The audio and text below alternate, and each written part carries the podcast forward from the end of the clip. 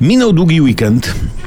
Wystarczył jeden dzień, by narodziła się garść refleksji ku nauczce, bo za nami seria bolesnych powrotów z miejsc, gdzie się obywatele w nadziei na wypoczynek wybrali. Szturmować ośnieżone turnie w adidasach i japonkach, zażywać lodowatych podmuchów wiatru nad morzem, czy zdać sobie sprawę, że w kurtce przejściowej nie dało się przejść.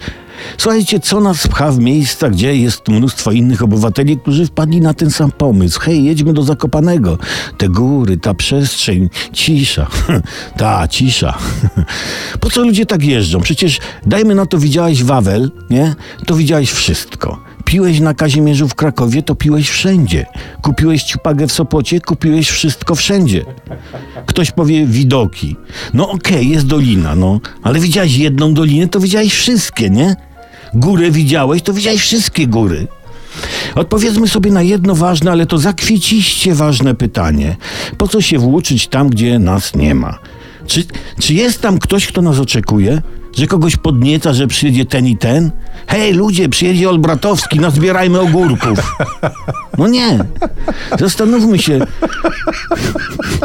czy nie lepiej pozostać w miejscu, gdzie nas postawiła opatrzność do spóły z losem. Jak będziemy tak bez przerwy w te same miejsca jeździć, gapić się, to wszystko wypatrzymy i nie starczy dla przyszłych pokoleń. A tego nie chcemy.